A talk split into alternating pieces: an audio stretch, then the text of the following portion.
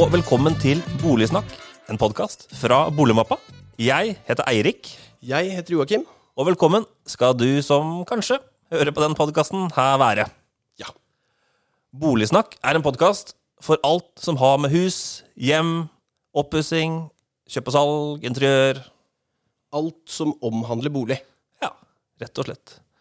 Og i dag skal vi snakke om oppussing. Ja, eh, turbulent eh, tema. Det kan være roten til mye vondt. Eh, samlivsbrudd, økonomisk ruin. Vi har sett noen eksempler på det. Men det kan også være en positiv affære. Hva er ditt forhold til oppussing, Erik? Jeg syns jo det er gøy. Jeg har ikke gjort så mye av det sjøl. Malt noen vegger, bygd noen plattinger. Jeg har litt sånn romantisk forhold til det. Det er sånn der, noe man gjerne gjør som et par, som man bygger rede. Ja, Hva med deg? Ja, litt det samme. Jeg, veldig- jeg syns det er veldig gøy. Jeg er veldig glad i å bygge. uh, men jeg er ikke så flink, så samboeren min er ikke like begeistra. Og så har jeg en far som er tømrer, så jeg har jo alltid en petimeter som går rundt og forteller meg alt jeg gjør feil. Uh, så det er litt sånn elsk-hat-forhold. Men i dag har vi heldigvis med oss uh, to som er blitt veldig dyktige til det. Ja, Veldig. Det har du til og med papiret på. For de har vunnet en konkurranse i det. For noen gjester. For noen gjester vi har i dag.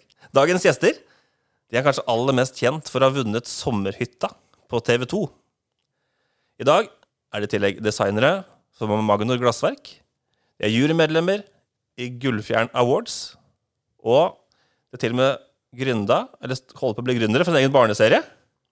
Fantastisk. Ta hjertelig imot hele Norges Knut og Kjartan. Tusen takk. Tusen takk, så utrolig hyggelig å være her. Veldig morsomt å være her. Jeg må jo si at dere har jo snekra mer enn det vi hadde gjort før vi vant sommerhytta. ja, det kan nok eh, det kan godt hende, for dere hadde ikke snekra noen ting. Nei, vi var helt blanke på det området der sånn. Vi hadde vel uh, snekra det, ikke jeg gjort noe av. Jeg hadde malt noen vegger hjemme. Eh, og så husker jeg før, når vi kom med på sommerhytta, så snekra vi en blomsterkasse hjemme. Bare for å liksom prøve å ta i hammeren og sage litt. Så det var vår opptrening til sommerhytta. Hvordan gikk det da med den blomsterkassen? Eh, Jeg har jo en eh, far som også er tømrer. Ja. Så han eh, kom jo med petimeterstaven sin. Ja, og han, han, eh, han sa vel at den var godkjent under tvil. ja. ja.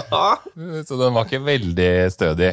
Vi så vel på den etter vi kom hjem fra sommerhytta og tenkte at eh, ja, vi er blitt litt bedre. Ja, hvordan var den første tiden fra eh, å ikke kunne noen ting, og så skal du begynne å lære, uke etter uke. Eh, hvordan var læringskurven? Hvordan, hvordan gikk den prosessen? Eh, Jeg syns det var overveldende. Eh, Det var, vi skulle jo bli for det første kjent med hele den TV-produksjonen, samtidig som vi skulle bli kjent med alle redskaper og sager, Verktøy heter det. Selv. verktøy, eh, som i tillegg til at vi ikke kjente, så kunne det også være farlig. Så vi hadde veldig respekt for det verktøyet i starten. Og samtidig som eh, vi kunne jo heller ikke totom fire og benevnelser på skruer eller verktøy eller noen ting. Så eh, vi lå på nettene og googla og eh, skrev lister på hva vi trengte til dagen etter. Ja, for Det, det, det syns jeg alltid er det verste. Når du er på et byggevarehus, og så sier du jeg skal bygge platting, og så får du spørsmål ja, skal du ha to tom fire, to tom seks, hva skal du ha? Og du står der som et spørsmålstegn, og du vet at nå blir du bare ydmyket på det groveste. Og du har ingen mulighet til å komme tilbake, for det er faguttrykk. Du, du kan det ikke. Men nå har dere lært det. Ja, eller nå har vi jo i hvert fall skjønt uh, systemet. Skjønt hva det er. Så, ja, så nå tror jeg vi skal klare oss, uh, i hvert fall å se hva vi trenger, da. Veldig bra. Det er jo altså den eh, reisen dere har vært gjennom, med ti uker, hvor dere kun har på skylapper og gjør den ene tingen, som er å pusse opp, eller hva skal man si, bygge, innrede et hus. Det må jo være verdens beste skole for oppussing. Ja, det var jo en uh, veldig bratt læringskurve, eller en uh, berg-og-dal-bane. Fordi det du følte at du fikk orden på én ting, eller klarte én ting, så kom det jo noe neste som du ikke ante i det hele tatt hva var for noe. Så det du lærte den ene saga, at den kunne vris 45 grader, så kom det neste sag som du ikke skjønte at hvordan vrir du den, og hva gjør du med den? Og uh, i tillegg så var det liksom uh, ja, vanskelig å vite hele tida hvordan man skulle prioritere. Fordi eh, er det sånn at kan vi sette, er det like lett å sette opp gipsvegger som det er å panele? eh, hvis det er det det heter. Panelere. Eh, det var noe som vi tenkte veldig mye på. altså Hvordan skal vi gjøre det lettest for oss sjøl, og hvordan skal det se bra nok ut for Snekker-Lars da, til slutt. Sånn at vi kom jo veldig fram fort til at jeg tror vi må legge panel. Fordi at det er det som er enklest, og det lærte vi oss veldig kjapt. Og det er jo lett å få til fint. Så det fortsatte vi da med. Ja, Gips er vanskeligere. Gips er vanskeligere, mye mer jobb, og det er enklere å se feil der. Okay, ja. Og pussing og pussing og pussing og pussing. Er. Jeg synes jeg kan huske at det var noen par som gikk for gips og skulle gipse inn vinduene og ha uten lister og Listefritt, ja. listefritt, som det heter. ja. Ja. Jeg tror de angra litt på det. ja. Men i den begynnelsen her, gjorde dere mye feil? Var det mye dere måtte gjøre om igjen? Eller eh, gjorde dere feil og så tenkte ok, det får bli sånn? Første uka, eller, eh, første uka så hadde vi et utekjøkken, og der gjorde det jo Det var jo litt hva skal vi si, Det var ikke så finsnekring som det man gjør inne. Så uke to så var det soverom, og da husker jeg at jeg skulle legge lister i taket. Og de skjærte jeg jo i bare 90 grader og la de rundt. Og i uke tre og fire så skjønte man jo at nei, man skal ikke legge det 90 grader, men de skal gjæres til 45 grader. Så det måtte vi da ta ned igjen og sette opp på nytt igjen. For da så vi liksom den feilen hver gang vi kom inn på soverommet. Der er en stor feil, det må vi bare ta ned igjen. Og det fikk vi også høre av Snekker-Lars, da, selvfølgelig. Ja, ja. Så dere ble litt mer påpasselige på egne, altså eget håndverk da, underveis i prosessen? Ja, altså Jeg er jo den som er nøye av oss to. så jeg blir jo Men det, vi blei jo veldig godt kjent med hverandre også. eh, Sånn som dere sa innledningsvis. Man blir kanskje Det går utover forholdet, og det eh, følte vi at det gjorde i starten for vår del også. Vi hadde noen breakdowns, skikkelig breakdowns. Eh, Spesielt på natta, hvor vi var slitne. Hvor vi måtte hente oss, og det blei eh, samling i bånd. Og vi måtte ta oss sammen og finne litt ut av roller. Hvem skulle gjøre hva. Og Knut er veldig sånn som ønsker å se resultatet med en gang. Det vil egentlig jeg også, men du er, har ikke den tålmodigheten da, på å vente. Jeg har tempo. Du har tempo. Jeg har prosessen, som jeg kaller det å si. Sånn at, eh, men det klarte vi å utnytte til vår, vår fordel etter hvert, eh, følte jeg. At eh, da, kunne da sa Knut kan ikke du komme og sjekke Kjartan om det her er, funker. Og så kunne jeg si nei, her må vi gjøre et eller annet. Eller så sier hun nei, dette funker bra. Og når vi da var på bånn, så fant vi ut da må vi jobbe litt sammen. Ikke gå hver for oss og holde på med hver vår ting, men da jobbe sammen. For da blir man for det første kontrollere hverandre, og da blir man fortere ferdig med den tingen. Så man ikke går aleine og sturer og er irritert og sur og lei og trøtt og sliten. Men så ble vi jo mye flinkere til ting. altså Det gikk mye fortere eh, etter hvert. Og det merka vi jo. At eh, når, når vi hadde gjort eh, en ting, så følte vi at vi kunne det ganske greit. Og da slipper man å tenke på det videre. Da vet man at da bare gjennomfører vi. Så sånn sett så var det jo en læringskurve som var eh, skybratt, for å si det sånn. Ja. Jeg syns ofte du hører om par som skal pusse opp, og så et halvt år etterpå så hører vi om det samme paret, og da har de gått fra hverandre. Så har dere noen tips i den prosessen, det, det psykologiske samspillet der? Jeg må sier si, jeg likte veldig godt uttrykket 'samling på bånd'. Ja. Vi husker når vi fortalte venner og bekjente at vi hadde meldt oss på sommerhytta, og at vi hadde kommet med. Så de kunne ikke skjønne det, og da så jo de bare separasjonspapirene flagre i vei ikke sant? når vi var ferdig der. Så vi frykta jo litt grann før vi kom på sommerhytta, hvordan det skulle gå, fordi vi hadde jo ikke hatt et sånt prosjekt sammen over så lang tid, og så stort prosjekt. da. Men som vi sa i stad, så hadde vi jo noen skikkelig skikkelige runder med oss sjøl, hvor vi gikk på en smell og gikk på en vegg. Men da fant vi ut at vi måtte på en måte bare sette oss ned og snakke om hva er det som er viktig her i verden. på en måte. Som jeg sa til Kjartan, om den ikke er helt riktig, eller om den ikke stemmer, eller sånn, så er ikke det det største i verden. Husk på alt annet man har rundt seg, og om vi ikke vinner hytta til slutt, så er ikke det det største i verden heller. Da har vi fått vært med på det her og fått gjort den erfaringen. Så man må liksom prøve å se noe positivt når alt er så mørkt. Ja, Knut minte meg veldig på at uh, husk at dette er en opplevelse for livet uansett hvordan det går. Og jeg tror at det var det som snudde meg den første uka, den, første, den fredagen første uka. Hvor jeg trodde at alt var uh, mørkt. Uh, men uh, det var veldig kort fra himmel til helvete og omvendt hele tida. Så vi vant jo faktisk første uka. Eh, så fra, fra helvete til himmelen på to timer der. Ja. Det hører med at favorittfargen til Kjartan er svart, og min er hvit. og det er jo litt sånn jeg er. Sånn er det i personligheten også. Det var Kjartan som vant mye, da. Nettopp. det ble mye svart. Det ble, Ja, ja, ja, ja. Jeg vinner alltid på fargevalget. Jeg gir meg. Fantastisk. I dag skal vi jo snakke om på en måte hvordan det er å pusse opp uh, sjøl. For uh, lekmann, menigmann, folk som oss som ikke har noe utdannelse i det. Ehm, og den konkurransen er vel rett og slett et levende bevis på at det er eh, fullt eh, mulig. Man trenger rett og slett ikke egentlig å ha noen særlige forkunnskaper i bånn. Man kan liksom eh, starte på YouTube og begynne å lære. Er det sånn det funker? Det funka litt sånn for oss, eh, i hvert fall. Man tror kanskje at man får mye forkunnskap, og det er mange som lærer oss ting eh, bak kulissene i et sånt program, men det skjedde absolutt aldri. Det var det sikkerhetsmessige som sto eh, i fokus hos produksjonen. Så vi måtte faktisk Vi googla veldig masse. og vi ja, Jeg må si at Maxbo har gjort det bra på, på visningsfronten og tutorials på nett. Eh, vi måtte velge den leverandøren som hadde de kjappeste videoene. Vi orka ikke introer og sånt, så det var bare rett på å finne ut av hvordan vi gjorde ting. Ja, og det er jo Det meste klarer man jo. Men eh, det som gjorde at vi klarte det, var jo at vi hadde alt av verktøy tilgjengelig. Jeg vil jo si at verktøy er en veldig stor del av det å, det å gjøre ting sjøl hjemme. For Hjemme hos oss nå så har vi en håndsag, vi har en hammer og en skrutrekker. Så vi hadde jo ikke kunnet gjort det samme nå igjen uten alle de verktøyene som vi hadde på sommerhytta, hvor du hadde all slags sager du kan vri og vende i all slags vinkler. Eh, all slags verktøy med spikerpistoler og gudene vite hva vi ikke hadde der nede. Vi, det var så mye rart at vi visste jo ikke hva alt var engang. Alt brukte vi ikke heller, for vi visste jo ikke hva det var. Så jeg vil jo si at hvis man skal gyve løs på store prosjekter hjemme, så ville jeg enten fått lånt eller leid eller kjøpt inn verktøy som er et kjempestort hjelpemiddel. Ja, Det er litt interessant, fordi eh, jeg syns jo ofte at du hører på den type eh, tutorials. da, At eh, ja, du klarer deg med en vinkel, en blyant og en håndsag hvis du skal bygge en platting.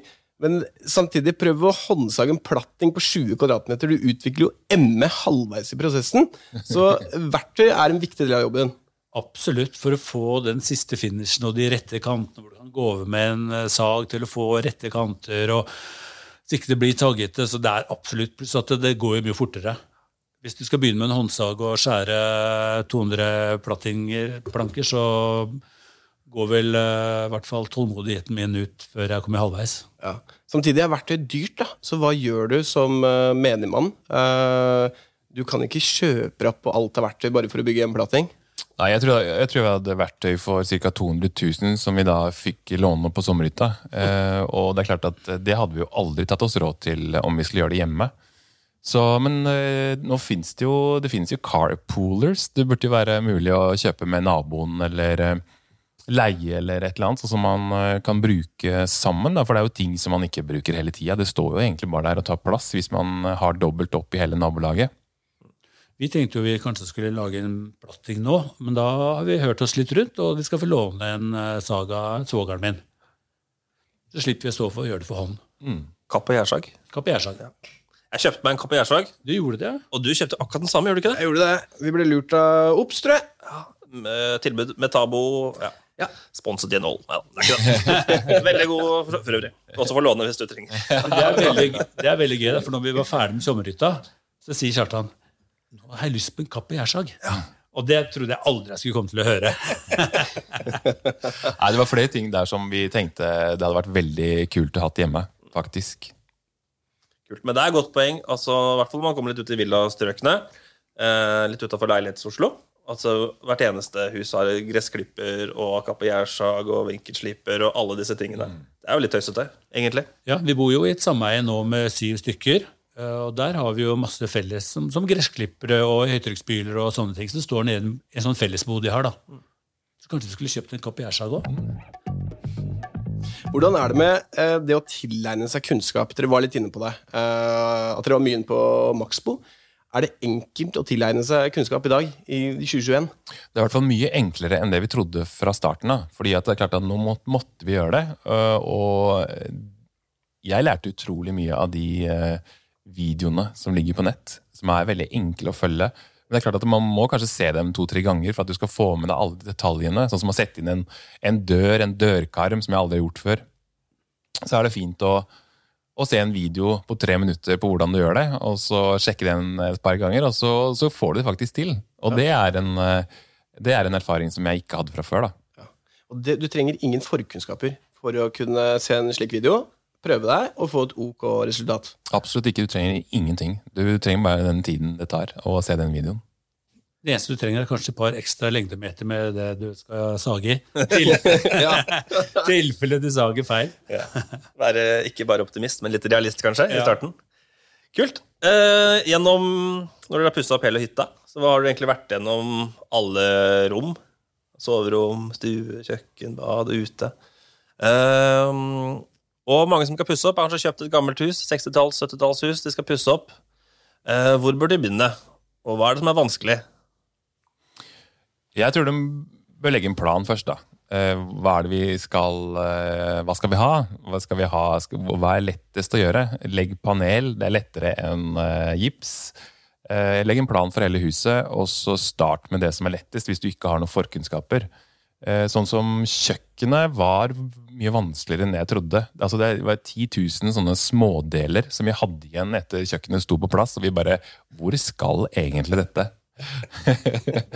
Eh, og badet visste vi hadde en, eh, en forventning om at var veldig vanskelig.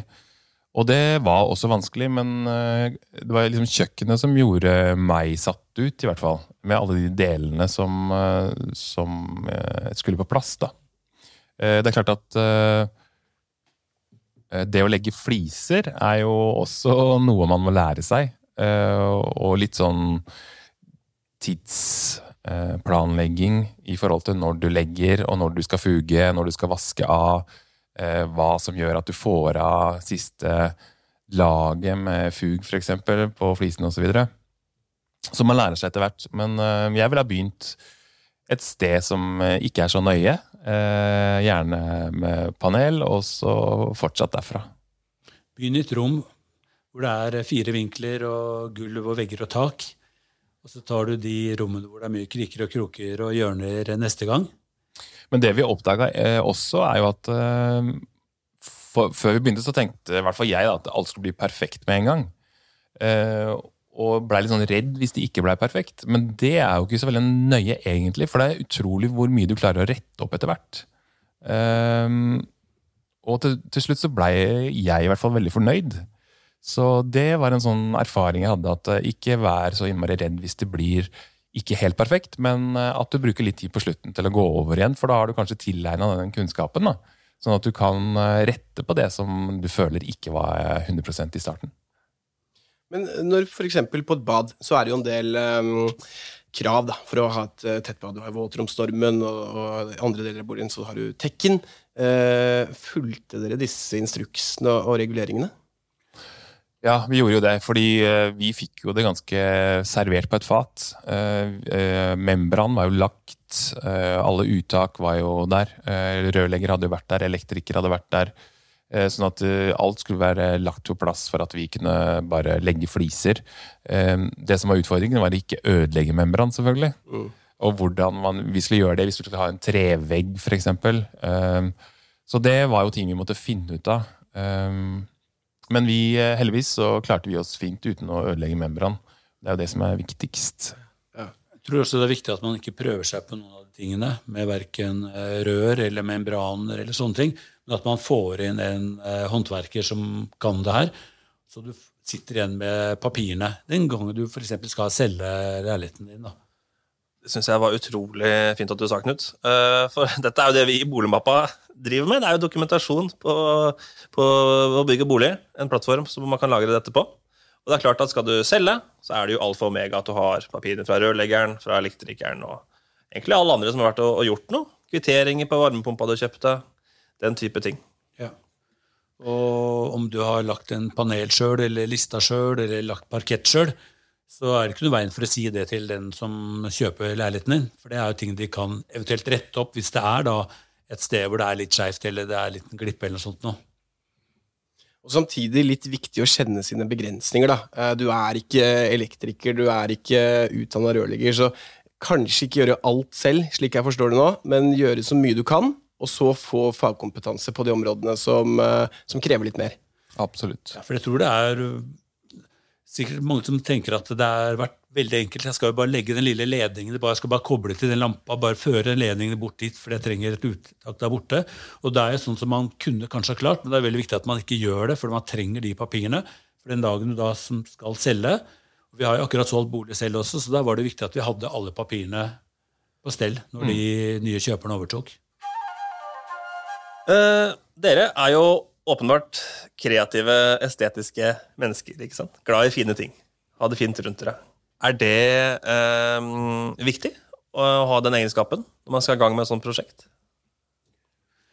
Jeg syns ikke det er viktig.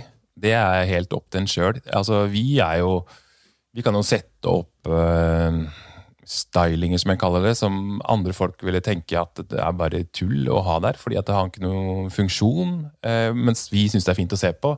Derfor syns jeg at andre skal få lov til å føle og gjøre de tingene som de ønsker, og kanskje funksjonen har større betydning enn designet. da.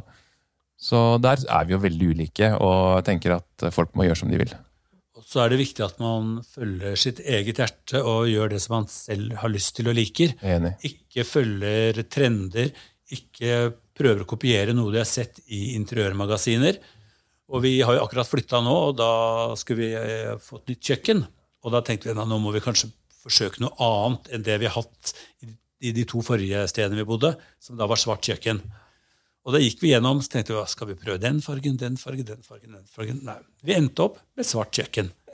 Det er det vi liker, og det er oss, og vi, vi kan liksom ikke prøve å like noe annet.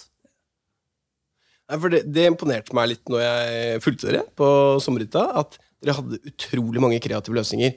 Og det, og det er noe som jeg i hvert fall i mitt hode tenker at det kan du ikke tilegne deg. da. Det er bare, Du må være en kreativ eh, sjel. Jeg eh, kjøpte ny bolig for noen år siden, og da har du ganske mange muligheter i den tilvalgsprosessen. Men når jeg ser tilbake på det nå, alt er jo A4. Helt standard. Eh, Så jeg har jo ikke den kreative tankegangen. Er det noe du kan bli bedre på, eller noe du kan lese deg opp på, eller kan du forbedre deg på det? Ja, vi, jeg må jo si at vi juksa, vi der, altså. Fordi vi var på nettet og så på Pinterest spesielt, som er veldig bra på interiør. Hvor du ser masse løsninger som eh, du tenker at det hadde vært kult, men kanskje i en annen form. da.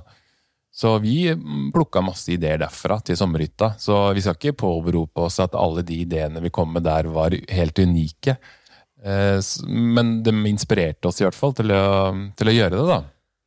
Og igjen så tror jeg det er viktig å ha en plan og ha en sånn prioritering på forhånd på hva du skal gjennom.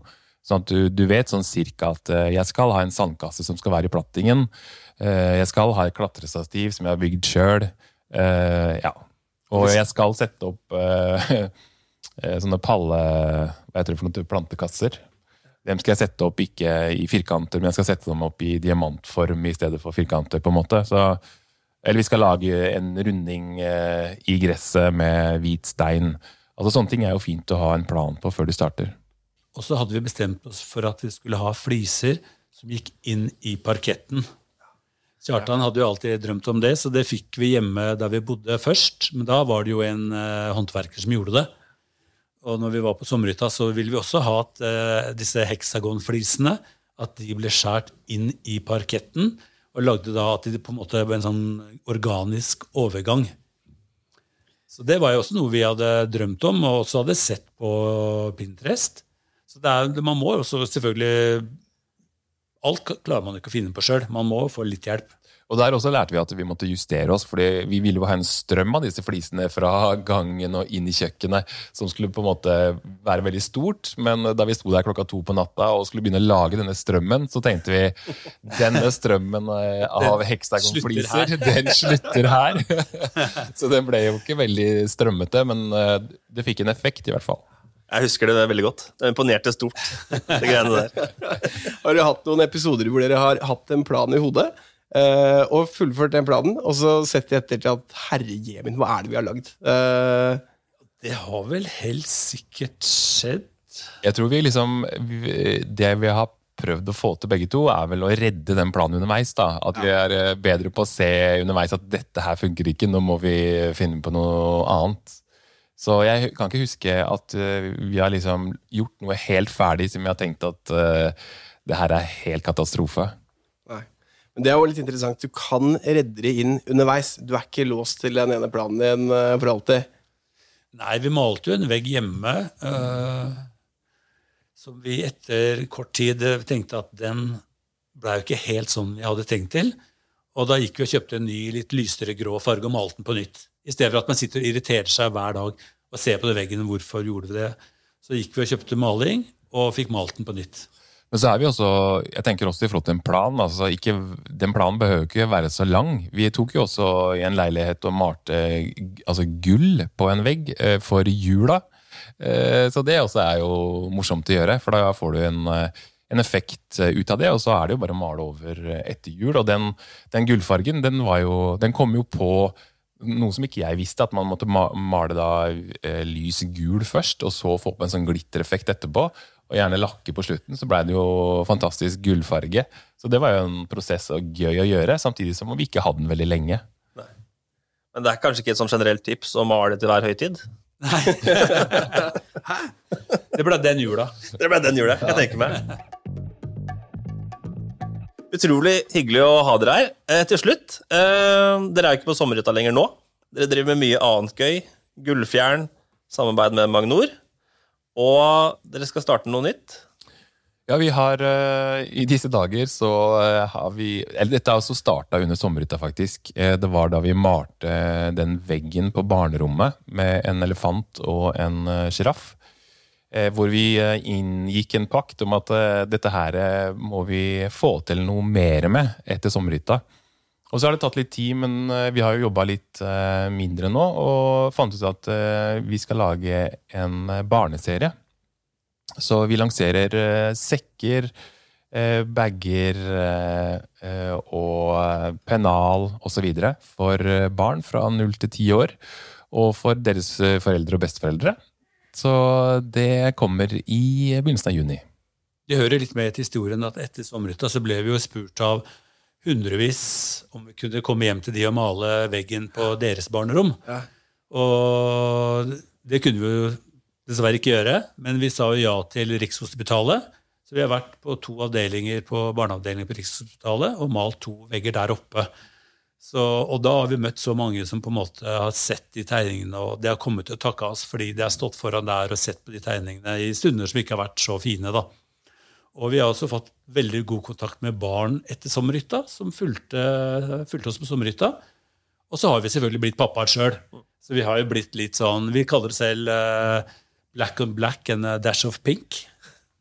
Utrolig hyggelig. Helt til slutt, klarer man å pusse opp selv? Ja eller nei? Ja. Helt klart ja. Fantastisk. Tusen takk for i dag. Det har vært utrolig hyggelig å ha dere her, Knut og Kjartan. Vi høres neste gang på Boligsnakk. Det gjør vi. Ha det! Ha det! Ha det!